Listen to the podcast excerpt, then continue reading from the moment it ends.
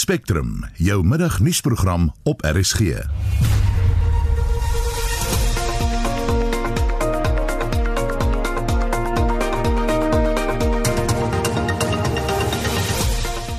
die programme besondere griesame plaasaanval in Koster in Noordwes skok en ontstel. Ja, draande wreedheid en urelange marteling van Chris en Nesta Barnard deur drie aanvallers moet veroordeel word deur alle mense wat waarde heg aan basiese menswaardigheid. Vragmotorbestuurders vra dat 'n COVID-inentingsveld tog ook vir hulle geloods word. Kom kan dit vir ons trokdrywers makliker maak en by die trakstof se klinieke en goed laat ons dit daar kan kry nie, want ons kom nie uit daar nie. Ons is te lank hier op die pad en goed. En ons probeer verstaan waarom die vrylating van Jacob Zuma op mediese parol steeds 'n omstredenheid of in omstredenheid gehul word.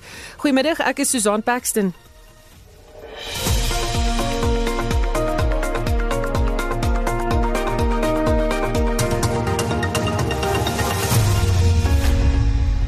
So bykans 6 minute oor 12. Welkom terug by Spectrum. Die DA in Noordwes meen die aanranding van 'n egpaar van Koster was geen gewone plaasaanval nie. Chris en Nesta Barnard is deur drie aanvallers oorval en glo 3 ure lank gemartel. Ons praat nou met die DA se leier in Noordwes, Leon Basson. Goeiemôre Leon.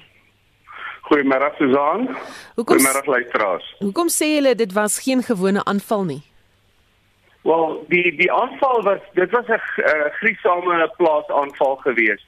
As 'n mens kyk nou hoe brutaal ehm um, hierdie mense aangerand is met 'n strykyster gebrand, hare met 'n mes afgesny, eh, dan is dit nie 'n gewone plaasaanval nie. Hier's brutaliteit in aan verbonde en en uh, dit is hoekom ons sê dat dit nie 'n normale plaasaanval is nie. Hoe gaan dit met die Barnards? Dit gaan goed met hulle. Eh, ehm uh, um, dit gaan baie beter met hulle. Um, ek natuurlik sal hulle 'n hele tyd vat om te herstel. Ehm um, maar ja, wat verneem word, gaan dit goed met hulle. Enige nuus oor die polisie ondersoek? Ja, die polisie ons het gevra dat die polisie daadwerklik 'n uh, optrede moet maak om seker te maak dat ons kundige mense kry om hierdie mense te val. Uh, tot tot op hede is daar nog niemand gearresteer in hierdie ondersoek nie. Leon kon jy agterkom of daar 'n toename was of baie plaasaanvalle in Noordwes die afgelope ruk?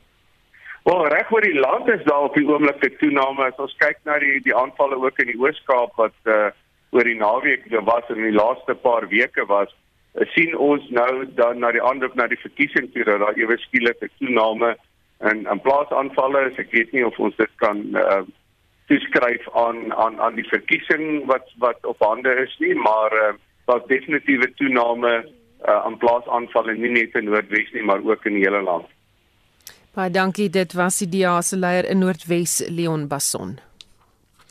Die stof oor oud-president Jacob Zuma se vrylating op mediese parol wil net nie gaan lê nie. Koerant het die afgelope naweek geskryf dat president Cyril Ramaphosa die stap goedgekeur het.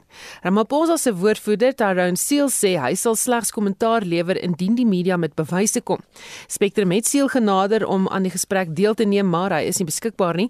En ons praat nou met uh, Ulrich Roo, hy is 'n uh, prokureur of regsgeleerder en uh, hy ken die regs aspekte daarvan.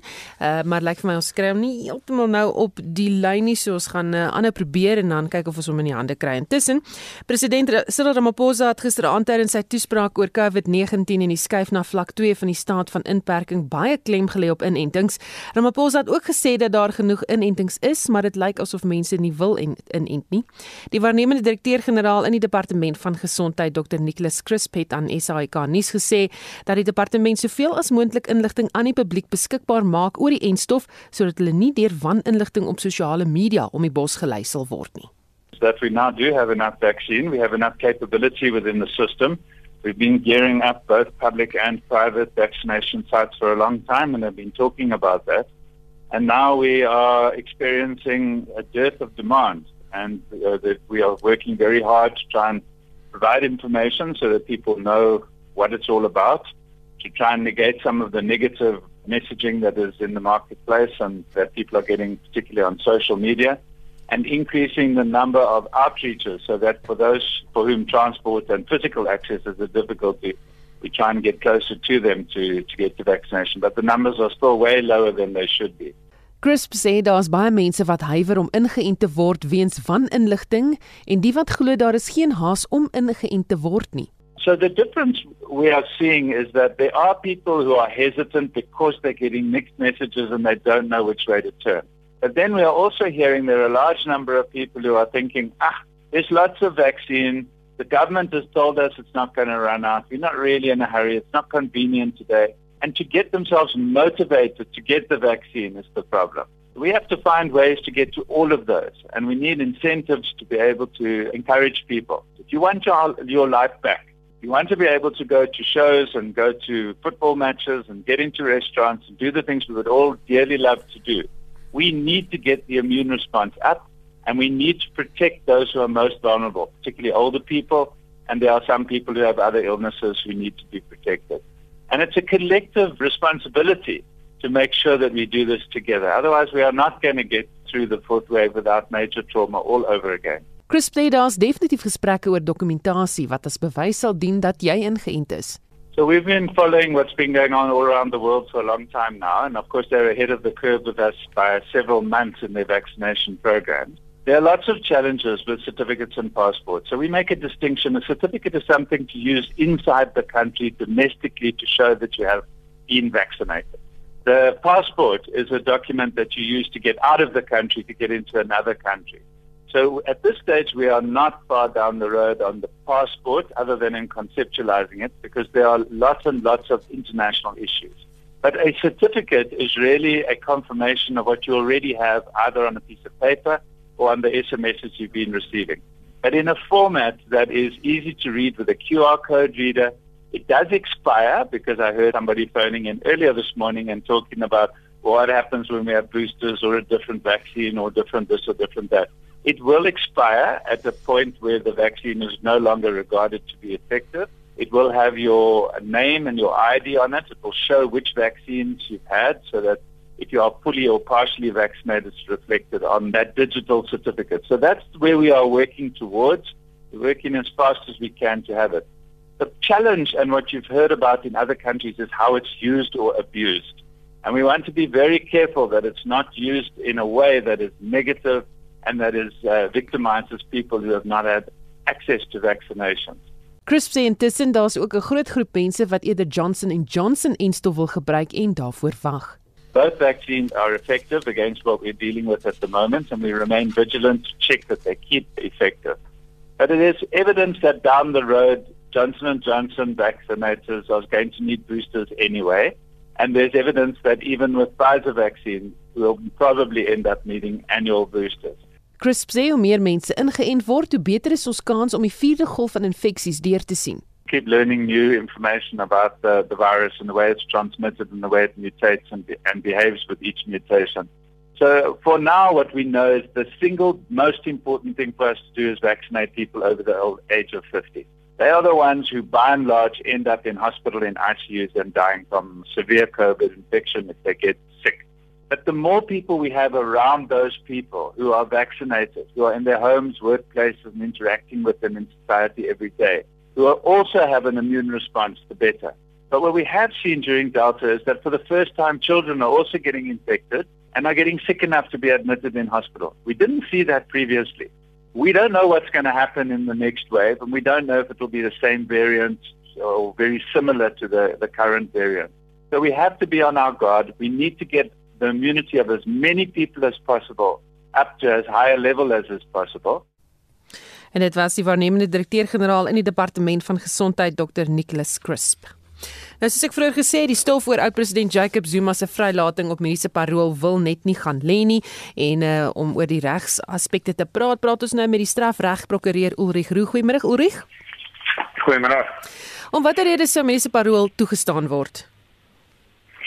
Wel in hierdie geval ehm um, is Zuma se mediese parol toegestaan omdat hy 'n vonnis uitdien van minder as 24 maande en die eh uh, korrektiewe dienste wet bepaal dat die kommissaris van korrektiewe dienste in hierdie geval meneer Arthur Freyser ehm um, het 'n diskresie om 'n persoon wat 'n vonnis van minder as 24 maande uitdien op mediese parol vry te laat mits ehm um, daar genoegsame bewyse is dat daardie persoon nie sy vonnis behoorlik kan uitdien in die tronk as gevolg van sy mediese toestand nie. So ehm um, in hierdie geval is dit die uh, diskresie van die kommissaris wat gebruik was.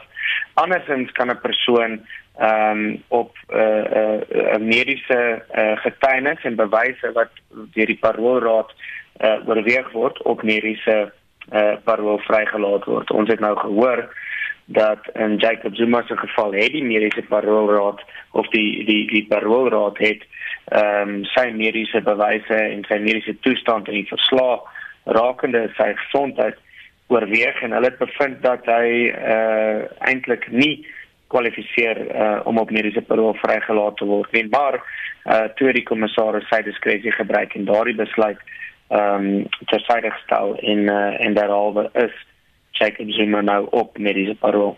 Hm. So Fraser kan daardie besluit neem. Daar is byvoorbeeld nou regstappe wat teen hom gevolg, weet kan volg as gevolg van sy besluit. Ehm um, in terme van artikel 75 van die korrektiewe dienste wet kan hy daardie besluit neem, maar dit moet 'n redelike besluit wees en dit moet gebaseer wees op uh, genoegsame getuienis uh, wat bevestig dat sy besluit die regte een is. Ehm um, in hierdie geval ehm um, was daar verslae aan die aan die paroolraad eh uh, verskaf en hulle het dit oorweeg en hulle bevind dat dit nie die regte besluit is nie. So ek ehm um, verwag dat daar verskeie aansoeke geloods gaan word. Ons het nou gesien dat die Helen Suzman eh, Foundation het nou alle eisbrief uitgereik en hulle dreig om om sy besluit ehm um, op hersiening te neem. Ehm um, so daar is wat uh, uh, uh, in ons in Engels in the Medical Parole Review Board. Um, in Afrikaans is dit 'n hersienings uh, raad wat um, wat sy besluit op hersiening kan neem.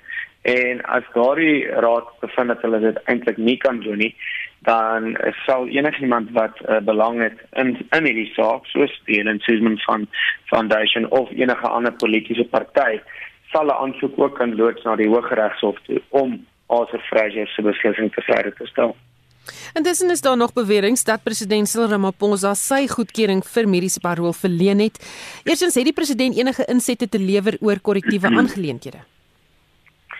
Nee, hy behoort nie enige insette te kan lewer nie. Hy ehm um, het uh, is is, is uh, moet heeltemal onafhanklik wees en hy kan nie die die paroolraad enigstens uh, beïnvloed raak in hulle beslissing nie. Ehm um, ek het ook sulke beweringe gehoor, maar ek dink ons moet onsself bepaal by feite en as daar feite is wat bevestig dat hy wel uh, betrokke was, dan kan mens dit oorweeg.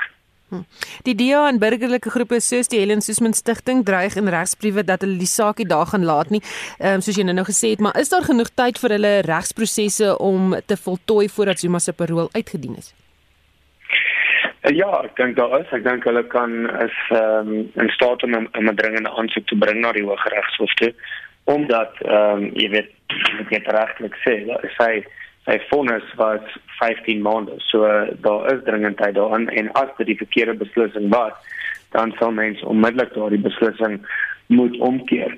Ehm um, ek dink wel dat ons sal sien dat ehm um, indien so aansoek slaag sal ehm um, jy weet hulle vra dat die tydperk wat hy nie in hegtenis was nie ehm um, terugwerkend uh, sal uitgedoen word. So met ander woorde as hy 2 maande op mediese parole is en dan word uiteindelik bevind dat hy nooit mediese parole moes kry nie, dan sal hy 'n ekstra 2 maande ehm um, vonnis uitdien sodat daar die volle vonnis van 15 maande uitgedien word. Die kern van die saak hier is Zuma se gesondheidstoestand. Is daar 'n kans dat dit openbaar gemaak sal of kan word? Ja, ek dink definitief so. En en ek dink dit is ehm um, wat gelei het tot al die verwarring uh in die in ons samelewing op die oomblik. Dit daar was geen uh deursigtigheid toe die besluit geneem was nie. Ehm um, jy weet niemand weet eers wat sy mediese toestand is nie. Ehm um, en ek dink dit is waar Arthur Fraser 'n uh, uh, uh, fout begaan het. Hy moes ehm um, die samelewing in Suid-Afrika uh, ingelig het. Hy moes uh, hulle gerus gestel het dat hierdie is die geval en hierdie is die regte besluit, maar jy weet soos wat ons vandag nou nog hier staan, weet niemand eers wat is fout met Jacob Zuma nie. Tog is hy nou op mediese parol vrygelaat. So ek dink deel van daardie aansoeke sal wees dat sy mediese toestand ehm um, geopenbaar moet word. Uh en en daaroor jy weet uh, dink ek dat dit is in in in die samelewing se beste belang en in die openbare se belang om om dit te weet. So sodat ons kan weet hoekom daardie besluit geneem is. Baie dankie. Dit was Ulrich Groe van die regsfirma Ulrich Groe en Vennote. Sedert Maart is daar nie 'n raad vir internasionale en plaaslike lugvervoerdienste of IASC nie. Die liggaam keer lugrederye se aansoeke om vliegregte in die land goed, maar weens afwesigheid van die liggaam is die sektor verder in chaos gedompel. Ons praat nou met 'n vervoer-ekonoom Dr. Joachim Vermoten. Uh, Goeiemôre Joachim. Hallo Susan en goeiemiddag luisteraars. Wat presies is die rol van hierdie liggaam? Die uh, internasionale uh, lisensieringsraad uh, uh hoor ons ook uh vir uh internasionale lisensies. Met ander woorde uh vlug vlugte wat uh, oor grens sal plaasvind. En uh, dit ken dan kapasiteit toe of frekwensies aan verskillende lugdienste. Uh hy tree nie onafhanklik op nie want uh hy is beperk tot die bilaterale ooreenkomste tussen die regerings uh aan die twee lande wat betrokke is wat dan nie oorhoorse kapasiteit uh, daarstel. Met ander woorde, dit kan onbeperkte frekwensies moontlik maak. In baie gevalle is daar ook 'n vasgestelde frekwensies wat beskikbaar is en dit word dan toegedeel deur die internasionale lisensieringsraad uh, na aanleiding van aansoeke wat hy uh, kry van lugdienste. Wie moet die aanstellings vir hierdie raad maak? Wel, dis die minister van vervoer. Daar was advertensies rukkie gelede geplaas. Uh, maatskappye het uh, ag organisasies het mense genomineer en die volgende stap is eintlik om daardie uh die mense wat genomineer is te publiseer sodat uh, die publieke uh rol het om te sê of hulle daardie mense ondersteun of hulle beswaar maak teen hulle aanstellings en daarna stel die minister die raad saam. Is daar enige rede hoekom dit nog nie gebeur het nie? Nee, ek kan nog geen rede dink nie. Ek dink dit is uh net 'n versuim wat waarskynlik kan gebrek aan kapasiteit of uh uh al hierdie dinge uh met COVID uh, 19 uit te baie. Maar dit is hoogtyd dat dit dit uh in plek sit want op die oomblik is daar beperking uh van die konflik en daar is heel wat uh uh, binnelandse rederye wat graag uh, die regte na oorseese bestemmings, ek bedoel internasionale bestemmings, oor grensbestemmings uh wil opneem en daardie aansoeke kan net nie verhoor word nie. So ons uh, isoleer onsself eintlik en ons as publiek is geregtig op mededinging op daardie rites. Sal die afwesigheid van hierdie liggaam SAL bevoordeel op enige manier soos wat berigte dit wou hê die naweek?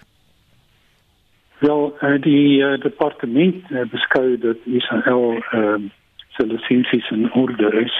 Uh jy weet dit is eintlik 'n regsvraag en natuurlik 'n versekeringsvraag want in terme van daardie klausules moet jy gewoonlik waarborg dat jy aan alle lisensiering vereistes voldoen. So dit is baie duidelik dat uh, die ideale situasie sou wees vir die lisensiering raad om aangestel te word. Uh, want dan kan hulle hulle normale funksies uh, vervul.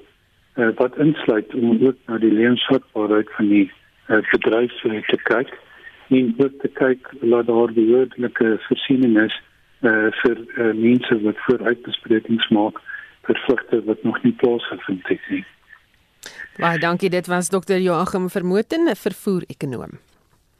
Getuienis in die Life Esidimeni geregtelike doodsondersoek is vanoggend hervat. Die dood van 144 psigiatriese pasiënte wat gesterf het nadat hulle van die Life Esidimeni fasiliteit geskuif is na verskillende nie-regeringsorganisasies word ondersoek.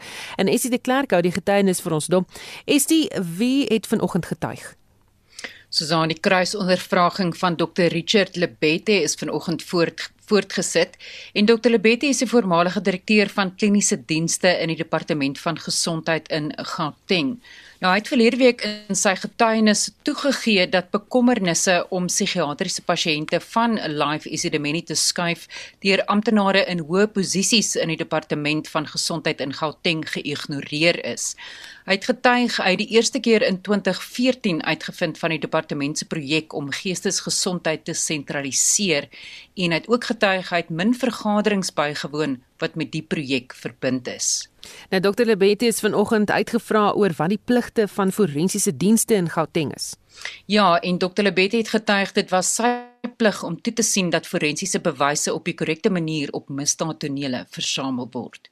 The duties of the CEO of Forensic Pathology or Forensic Medical Services is to oversee that section, but more importantly, the rule says if the scene of crime is a human being, then the collection of evidence there must be done by a person who's registered with the Health Professional Council. And hence, the evidences are collected by forensic pathologists, nurses, and doctors. Basically, what we do there, my duties was to administer them and sort of manage in doing their work. Hy het getuig die forensiese patologie dienste in Gauteng word deur 3 universiteite bestuur. That's Wits, that's Sefako Magatu, and that's Dakis. Now, from the operational point of view, the heads of those departments and professors are answers to the CEO of forensic pathology. On the clinical forensic at the same time, in fact, for both, the CEO has a responsibility to ensure the integrity of evidence, both from the living, which comes from the clinical forensic pathology, and the deceased, which comes from the pathology part. And over and above that, I was the inspector of anatomy. That position is supposed to be standing independently Nou die geregtelike doodsondersoek word virtueel aangehoor in die Hooggeregshof in Pretoria en poog om uit te vind wie strafregtelik verantwoordelik gehou moet word vir die dood van die 144 pasiënte. En dit was Essie de Klerk wat die verrigtinge vir ons dophou. Vragmotorbestuurders wat lang ure op die pad deurbring sê hulle het nie tyd om ure lank in rye te gaan wag om hulle inentings te ontvang nie en pleit by die regering om 'n plan te maak om die inentings by vragmotordepots beskikbaar te stel. Esie de Klerk het meer besonderhede. Die pleidooi het eers gekom van 'n vragmotorbestuurder deur middel van RSG se WhatsApp-lyn. Wynand Silo wiel hierdie inenting kom kan dit vir ons trokdrywers makliker maak en by die trakstof se klinieke goed laat ons dit daar kan kry nie want ons kom nie uit daar nie. Ons is te lank hier op die pad en goed. Kan nie na queues en goed gaan sit nie. En ons kom in aanraking met duisende maar duisende mense. Maar sy pleidooi word ondersteun deur ander vragmotorbestuurders. Die eienaar van WJG Transport en Logistics, Willem Geldnys, sê talle van sy eie vragmotorbestuurders kon nog nie ingeënt word nie. Dit is 'n geweldige probleem vir al jou langafstand vragmotorbestuurders. Want die mense kom nie by die inentingspunte uit nie of dis na ure en al die plekke is toe en jy weet hulle hardloop op skedules wat hulle moet nakom. En die tweede aspek wat daarmee saamgaan natuurlik, wanneer hy sy tweede inenting moet kry, dan is hy teen teen een in dieselfde sentra waar hy voorheen sy vorige inspuiting gekry het. Nou as daar sulke verskeie punte in die land is, dan kan hy dit op 'n ander plaas ook kry. Ons het reeds inligting ontvang dat daar sekere maatskappye wat sê dat indien vragmotorbestuurders nie ingeënt is nie, gaan hulle nie op hulle persele toegelaat word nie. Ja, ek weet nie hoe wetlik of dwingbaar dit is nie, maar ja, daar is reeds sprake daarvan. Geldnys sê dit is 'n inisiatief wat hy sal ondersteun en dit sal sake aansienlik makliker maak vir vragmotorbestuurders. Veral as dit uh, sentrale punte is. Verskillende maatskappye gebruik verskillende depots oral oor die land, maar ek dink daar is wel baie sentrale punte as ek byvoorbeeld 'n voorbeeld kan noem op die Kaapse roete, Kaap Johannesburg roete, Beaufort Wesse skaal byvoorbeeld. Daar is baie spasie om so iets op te sit. Daar is genoeg parkeerarea. As hulle byvoorbeeld daar sou iets sit presies dieselfde op die Durban Johannesburg roete byvoorbeeld in Harry Smith al die verkeer moet daar weer gaan. Johannesburg self miskien Geldney sê hy sal oorweeg om 'n brief in die verband aan die regering te rig. Ek is Estie de Klerk vir SAK nuus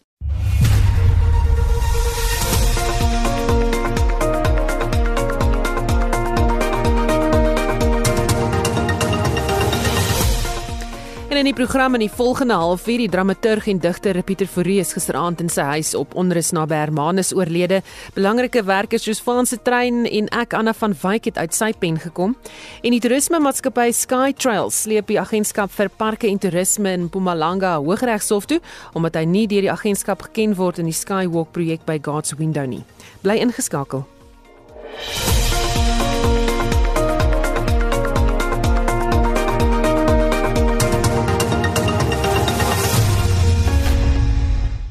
Die dramaturg en digter Pieter Fourie is gisteraand in sy huis op onrus naby Hermanus oorlede. Hy was 81 jaar oud. Fourie was bekend vir sy dramas Van se trein, Die Joiner, Ek Anna van Wyk en Die Koggelaar. Nou wat berig word is maagkanker vroeër by hom gediagnoseer en iemand wat saam met hom gewerk het en hom goed geken het, is ons eie senior regisseur mandaat hier by RSG, Kobus Burger. Goeiemiddag Kobus. Hallo Susan. Dis baie hartseer nuus hierdie dit is voorwaar 'n regte baanbreker op op soveel verskeie vlakke nie net as dramaturg nie. Nou jy het in jou dae as programbestuurder by KAK&K saam met hom gewerk. Vertel my daarvan. Ehm um, ek het eintlik onlangs nog by RSG saam met hom gewerk. Uh, in my tyd by die KAK&K het ons die pro proponentjie van hom opgevoer, bekende klug en ehm um, daai tyd was die drama reeds baie baie bekend, maar ons het dit weer op die planke gebring en vol sale uitverkoop het net weer eens gewys dat sy drama tydloos is. Ek dink soos Vaan se trein ook bewys het. Vaan se trein is later weer opgevoer onder andere met Paul Eilers op die verhoog en toe 'n rolprent 'n uiters uiters suksesvolle rolprent en dit het maar net gewys dat die karakters en die tematiek van sy werk oor dekades heen nog steeds tot Suid-Afrikaners spreek. Hmm. Pieter was die mees gepubliseerde en bekroonde dramaturge wat nog toe in Afrikaans, uh, jy weet, was. Hierdie laat 'n groot leemte. Hoe het hy letterkunde in die land aangeraak, verander, verbeter? Ek dink wat wat besonder was van hom dat hy sy gehore nooit met slimmighede of intellektuele toertjies vervreem het nie, maar eintlik meer 'n spieël opgehou het deur sy volronde karakters wat wat hy uitgebeeld het. Ek dink na de aan mooi Maria met sy universele tema. Dis 'n vrou wat in, in haar gesig gebyt word deur 'n hondsdol meerkat en dan hoe dit haar lewe handomkeer verander. En ek dink dis 'n drama wat op die wêreld verhoog eintlik uh, um hoort. Dan vaan sy trein die dorpsidioot die buitestander um en dit is dit is steeds um in daai opsig um relevant. Ons het op RSG 2019 uitgesaai Garries 'n bicycle blues En ehm um, Pieter het tog al vir my gesê ek glo werklik die Spietkop Legrandsie en Gert Garries het in ons leeswêreld al volksbesit geword en dit wat 'n mens kan sê van soveel van sy karakters het volksbesit geword en en verskillende geslagte teatergangers of liefhebbers van die kunste ehm um, kan uh, aanklank vind by sy karakters. As jy aan Pieter dink, wat sal jou altyd bybly? Weet jy, ek het in 2013 vir hom gevra Pieter asseblief, ehm um, wil jy nie vir RSG 'n drama skryf nie? En toe het hy baie mooi per e-pos geantwoord. Ek skryf altyd as ek voel iets pleit in my om geskryf te word. Dis op die oomblik stil binne my.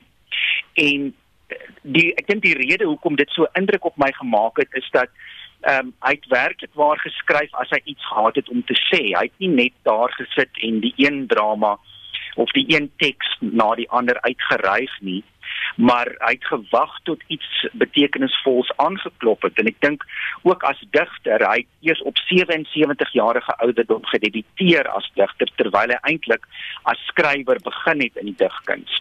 So dit wys my watter tipe man hy um, is en was. Ek dink ek sê is want want ek sien hom daar sit met sy pyp uh, diep en mymerend maar tog was hy nie 'n intellektueel wat net daar bo in die wolke rondgedwarrel het nie. Hy's iemand wat ons op 'n baie aardse vlak diep geroer het. Hmm. En dalk miskien jou gunsteling gedig van hom. Ek het nou nie ek kan nie nou spesifiek aan 'n gedig, maar hmm. Knap se kerels is definitief 'n besonderse bundel. Ehm um, en ja, een wat ek weer sal wil lees. Baie dankie. Dit was uh, die senior regisseur mandate hier by RSG Kobus Burger. Soos jy vroeër op RC gehoor het, begin Nasionale Testamente Week vandag. Die prokureur Nita Brand van Nita Brand Prokureurs in Woester se praktyk het verlede jaar aan die week deelgeneem en het minstens 700 testamente help opstel. Sy het aan Marlenae Forsie gesê dat mense hulle veral tydens die pandemie daaroor kontak.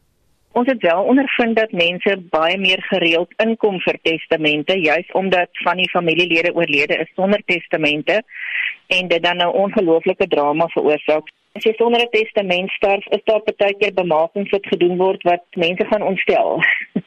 en gewoonlik is dit dan waar die baklei inkom, daar's geen testament nie en pa het altyd gesê hierdie een kry die huis, maar nou is daar vyf kinders en al vyf kinders kry nou die huis dit veroorsaak ook onnodige spanning. Die dood is erg genoeg. Jy wil nie nou nog daai trauma ook deurgaan van 'n baklei oor wie watter goedjies gaan erf nie. 'n Toename in die vraag na testamente het egter ook gelei tot 'n toename in opportuniste. Hier is waarvoor jy versigtig moet wees. Ek het gesien op sosiale media is daar mense wat nou adverteer dat jy testamente moet hê en ek het 'n bietjie gaan navorsing doen oor van hierdie mense. Dit is nie mense wat geakkrediteer is om testamente op te stel nie. So hulle vra 'n fooi van as ek reg is ongeveer tussen 800 en 1000 rand. En ek kan nie dink dat daai mense jou kan help om jou testament uit te voer op die einde en jou testamente hanteer nie want hulle het geen kennis van die testamente nie. Daar is wel prokureurs wat ook nou meer adverteer wat nou natuurlik buite hierdie kategorie val, maar daar is mense wat dit nou probeer uitbuit. Sy stel egter voor dat jy jou prokureur, boekhouer of finansiële instelling nader om jou te help. Veral die week waarin die diens op verskeie plekke gratis is en jy jou eie eksekuteur kan kies. Iemand wat betroubaar is, iemand wat bekend is. Net enige iets wat jy doen, dit help jy koop by 'n boekwinkel 'n testament nie want elke persoon se testament is tog eintlik uniek. So, jy kan nie net 'n konsep iewers van die internet aftrek en dink dit gaan aan al jou behoeftes voldoen nie. Dit kan, maar dit gaan nie altyd. Volgens Brand is daar veral in kleiner dorpies heelwat onduidelikheid oor die opstel en belangrikheid van testamente. Ons het verlede jaar se baie opgestel omdat ons Lynsburg en Touwsrivier dorpies wat nie prokureurs het nie. En daai mense het ook 'n behoefte aan testamente want hulle almal het hierdie huisies gekry by die staat en dit moet tog iewers heen gaan as hulle te sterwe kom. Dan stel jy vir iemand 'n testament op en dan sê hulle hulle is ongetroud. En dan kom daai persoon te sterwe, dan kom jy agter sy's ongetroud want haar eggenoot is oorlede 20 jaar gelede en daardie boedel is nie eens aangemeld nie. So opleiding vir mense ten opsigte van testamente is van kardinale belang. Die meeste prokureurs in jou omgewing gaan testamente opstel hierdie week. Dit is gratis, so besoek hulle asseblief so gou as moontlik. Uit haar ervaring vir my mense die proses omdat hulle dink dit gaan tydrowend en duur wees. En mense dink net nie aan hulle sterflikheid nie. Dis ek moet sê nou met COVID besef mense dat ek dalk nie môre hier gaan wees nie en daarom was daar nou 'n toename. Maar andersins is dit maar iets waaroor mense nie regtig wil praat nie. Niemand wil praat oor die dood nie en dit is so noodsaaklik. Oor die algemeen is daar verskeie instellings wat testamente gratis opstel. Maak dit seker jy is bewus van die voorwaardes. Ons doen ook baie keer 'n testament vir iemand gratis as dit 'n bestaande kliënt is en ons is dan die eksekuteur van die boedel, dan vra ons nie vir die persoon geld om die testament op te stel nie. Daar's maar altyd 'n voorwaarde aan ietsie wat gratis is.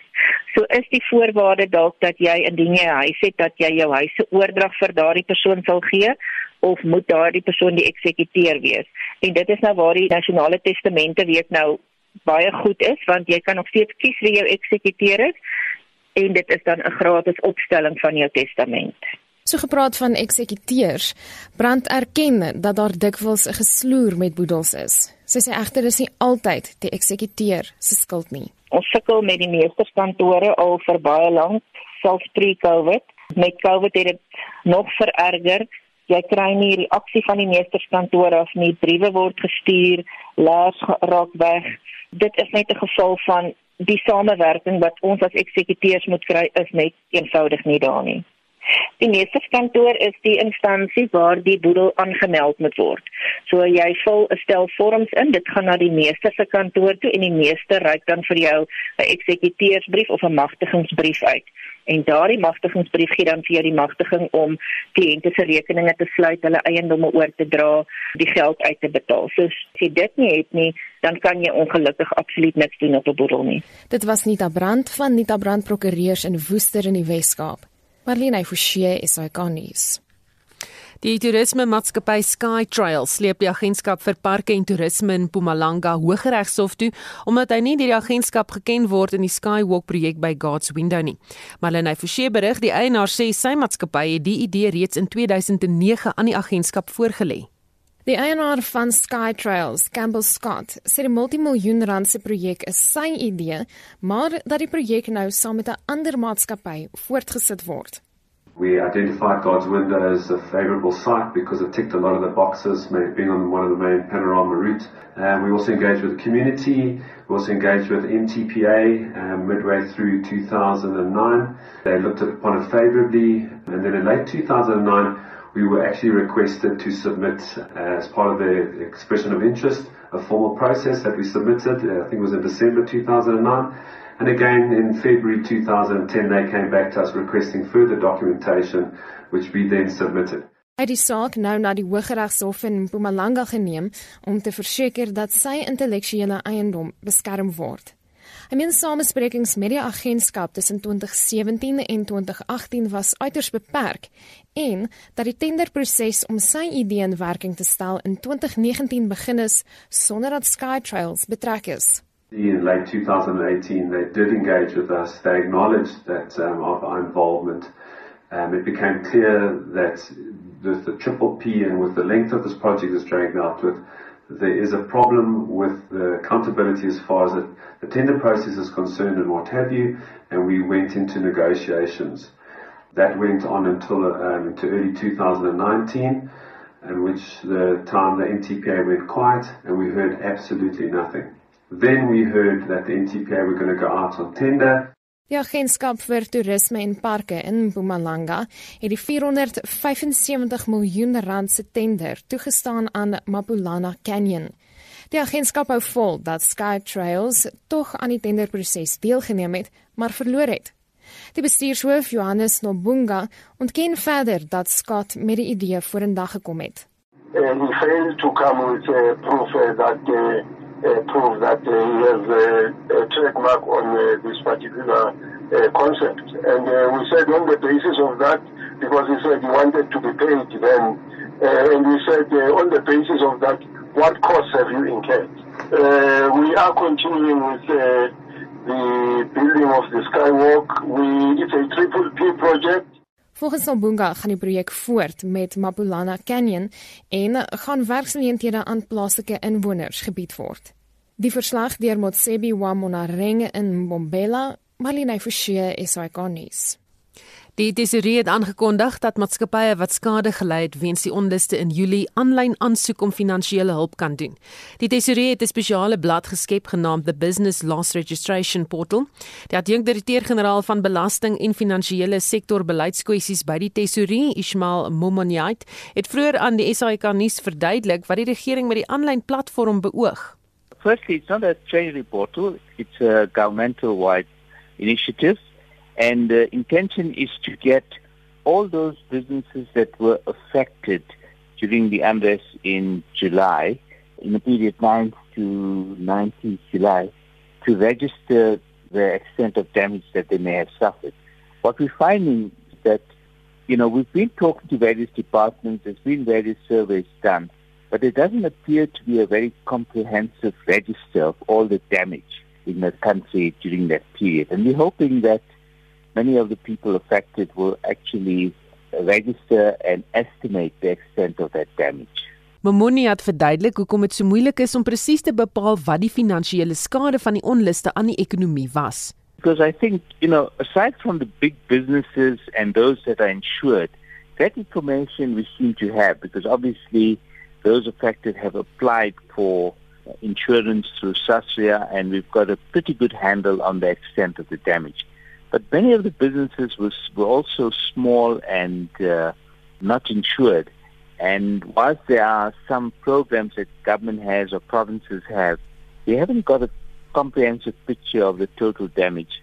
And I'm not sure we ever will. And, and bear in mind, all we are trying to do is to assess the direct physical damage. There may be others who may even be affected more indirectly. So if you had a stall outside a mall and the mall burned down, you know, you're not going to be getting the customers you had, and so you would have taken a, loss in income. So, and, and to measure that loss is extremely difficult.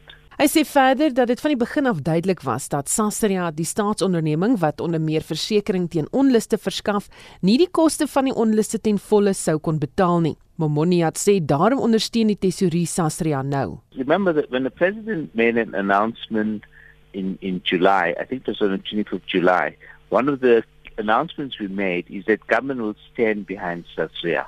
Government realizes that uh, obviously Sasria is going to be paying much more than it uh, was ever anticipated and that there would need to be uh, some support from government and, and, and that's what government has pledged and will do. Dit was die adjunkdirekteur-generaal van belasting en finansiële sektor beleidskwessies by die Tesorie, Ismail Momoniat. Die Suid-Afrikaanse Nasionale Taxi-raad, SANTACO, sê die bekendstelling van opspring inentingsklinieke vir COVID-19 by taxi-staanplekke sal 'n groot rol speel in die vermindering van infeksies by hierdie besige openbare plekke. Die Wes-Kaapse Departement van Gesondheid het een van die inentingsklinieke by die Kaapstadse taxi-staanplek bekendgestel en Kobben August doen verslag. Tydens die bekendstelling van die COVID-19 inentingsopspringkliniek by die Kaapstadse taxi-staanplek het taxi-operateurs pendelaars en straatverkopers almal die geleentheid gehad om inentings te ontvang. Die provinsiale voorsitter van Santaco, Nazim Abdurrahman, sê dat die taxi-bedryf dankbaar is dat die provinsiale regering hulle met die inentingsprogram help. The taxi ranks is where we have mass transport, we have people that is moving a lot and uh, by bringing these sites closer, we will definitely reduce the infection rate. Die Wes-Kaapse Departement van Gesondheid sê dat die doel van die opspring inentingsklinieke teen COVID-19 by taxi-staanplekke is om inentings meer toeganklik vir pendelaars en taxi-bestuurders te maak. Die provinsiale minister van Gesondheid, Noma French Mbombo, you bring the vaccines to them as we also even know with other services like HIV and AIDS. If you think like young people, if you think that they, you wait for them until they come to the clinic, they won't come. So we have to bring to them where they are because for them it's about anyway they are busy. Sommige taxi-operateurs sê dat die opspring inentingskliniek hulle meer op hul gemak sal laat voel as hulle op reis is. Een van die taxi-operateurs, Stanley Oorendal, sê die kliniek sal die taxi-bedryf veiliger maak deur inentings meer toeganklik vir die publiek te maak. If people getting in and out, you like the virus, you can't see it. Because I'm very skeptic where the COVID is right because I've lost a lot of family friends during COVID-19. And I think it's a good initiative that the government is driving to come to the taxi rank and, and assist those people with the vaccination. It will put also us at safety and knowing that our people is vaccinated. Die Weskaap het tans ongeveer 19000 aktiewe COVID-19 gevalle, terwyl tot dusver meer as 2 miljoen inentings in die provinsie gedoen is. Ek is Kobben August in Kaapstad. Dit is Plastiek Herwinningsweek, maar maak dit enigstens 'n verskil? Plastiek SA se direkteur vir volhoubaarheid, Doustein, sê dit is die 25ste jaar wat die herwinningsweek gehou word en dit dien beslis 'n doel. Wel ek dink weet ons ons al af 50 jaar maak ons skoon en uh, dink jy vir 'n mens sien mens regtig 'n verskil. So mense moet kyk wat is die alternatiewe.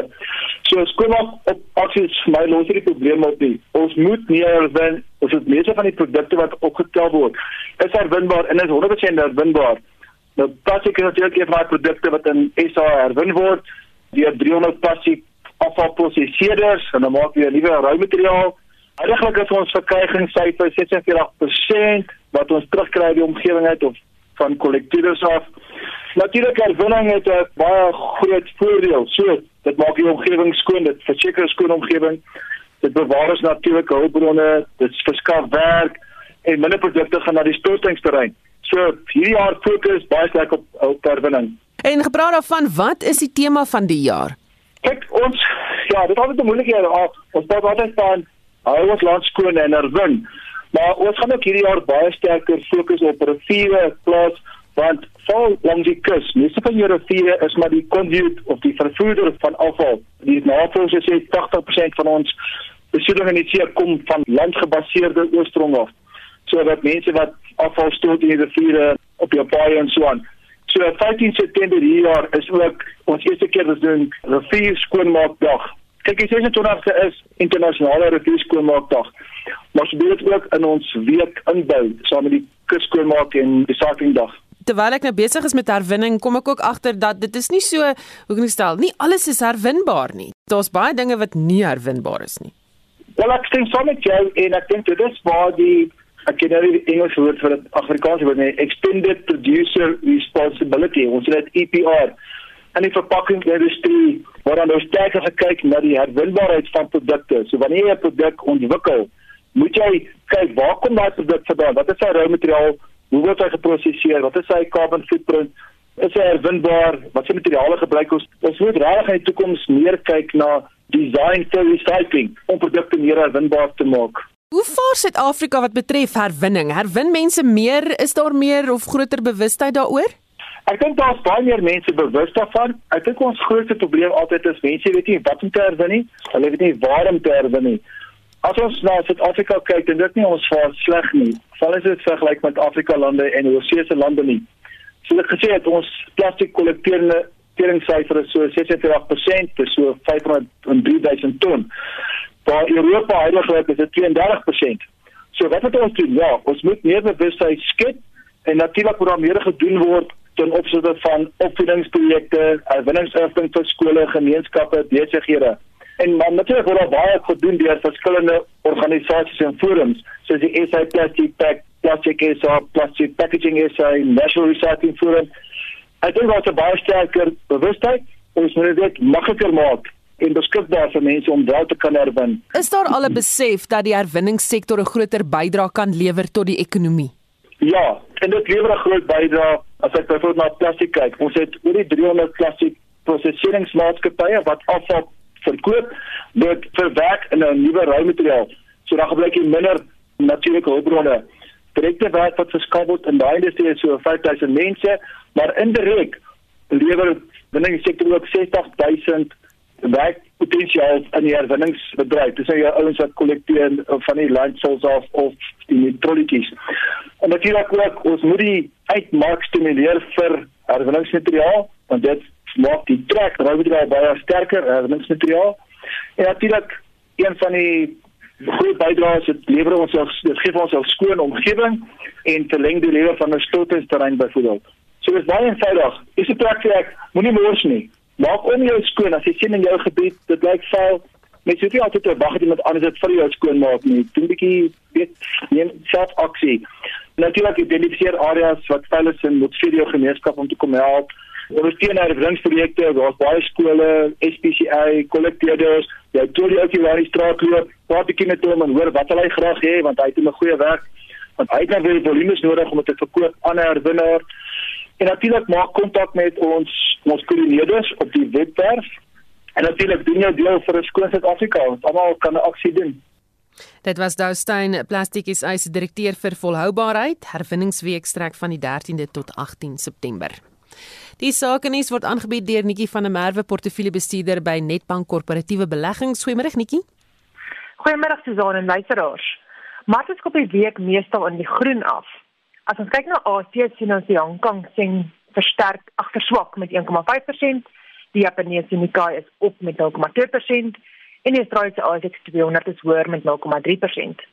In Europa verander die Britse FTSE 100 sterker met 0,7%, die Franse CAC 40 is hoër met 0,7% en die Duitse DAX is op met 1,1%.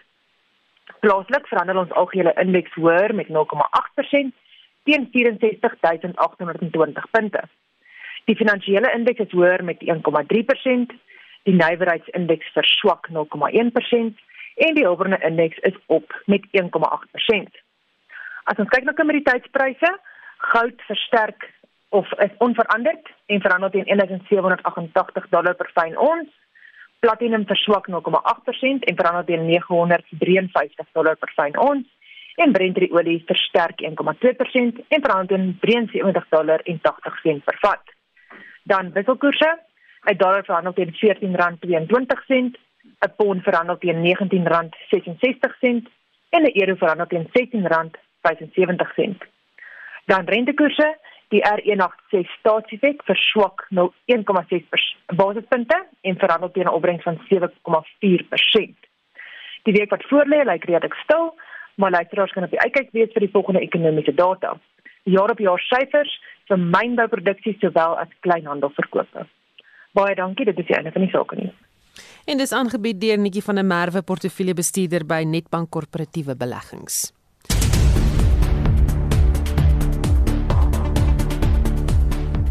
Indien jy pas ingeskakel het, Marlene Forsie het gereed met die afgelope uur se hoofnuus en stories wat nog ont, uh, ja, ontwikkel. Marlene Die diaalleier in Noordwes Leon Basson sê hulle glo die gewelddadige aanranding van 'n egpaar van Koster was geen gewone plaasaanval nie. Christenesta Barnard is deur drie aanvallers oorval en glo 3 ure lank gemartel. Ons het gevra dat die polisie daadwerklik 'n eh, optrede moet maak om seker te maak dat ons kundige mense kry om hierdie mense te val. Tot op hede is daar nog niemand gearresteer in hierdie ondersoek nie. Die stof voor uitpresident Jacob Zuma se vrylating op mediese parol wil nie gaan lê nie. Koerant het die afgelope naweek berig dat president Cyril Ramaphosa die stap goedgekeur het. Die prokureur Ulrich Roux sê die president behoort nie insette oor korrektiewe aangeleenthede te lewer nie. Hy moet heeltemal onafhanklik wees en hy kan nie die parolraad enigstens beïnvloed raak in hulle beslissing nie. Ek het ook sulke beweringe gehoor, maar ek dink ons moet onsself bepaal by feite en as daar feite is wat bevestig dat hy wel betrokke was, dan kan mens dit heroorweeg. Sedert Maart staan nie 'n raad vir internasionale en plaaslike lugvervoerdienste nie. Die sektor is in chaos gedompel want dit is onduidelik wie nou lugrederye se aansoeke om vliegregte in die land moet goedkeur. Die vervoerekonoom Dr. Joachim Vermoten sê die minister van vervoer moet die raad aanstel en dat daar geen ooglopende redes vir die sloerdery is nie. Die oomblik is daar beperking van die konflik en daar is heel wat binnelandse rederye wat graag die regte na internasionale bestellings en grensbestellings wil opneem. Daardie aansoeke kan net nie verhoor word nie. So ons uh, isoleer onsself en ons as publiek is geregtig op mededinging op daardie routes. Eskom het intussen kort voor Spectrum laat weet dat die herstel van 3 eenhede by die Kendal kragstasie in Mpumalanga goed verloop. Eenheid 2 en 3 sal vroeg die week weer aangeskakel word nadat 'n brand daar uitgebreek het. Eskom se woordvoerder, Sikonati Machancha. Unit 1 will be returned to service during November 2021. While Eskom will be forced to increase diesel consumption, we do not anticipate that any load shedding will be implemented as a result of the incident. We urge members of the public to continue using electricity sparingly to assist the country. We will keep the public informed should there be any significant changes in the power system. Monitor plaas môre onder meer die klem op 'n gebrek aan aanvoer in die Vrystaat. Dis nou weens voortsleepende veldbrande in die provinsie en die beskikbaarheid van gras en lucernbale is gevolglik besig om af te neem. En die toets van die Sinovac COVID-19 en stof op kinders bo 12 jaar oud in Suid-Afrika is ook in die soeklig. En dit is ons verslaggewer Marlenae Forsie.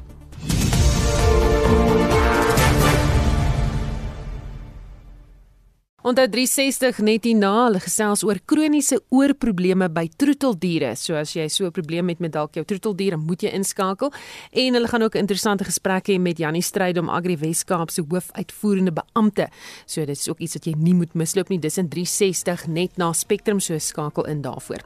Dit was Spectrum met uitvoerende regisseur Nicoline de Wee. Vandag se redakteur is Hendrik Martin. Ons produksieregisseur is Johan Pieterse. My naam is Susan Paxton. Geniet jou middag.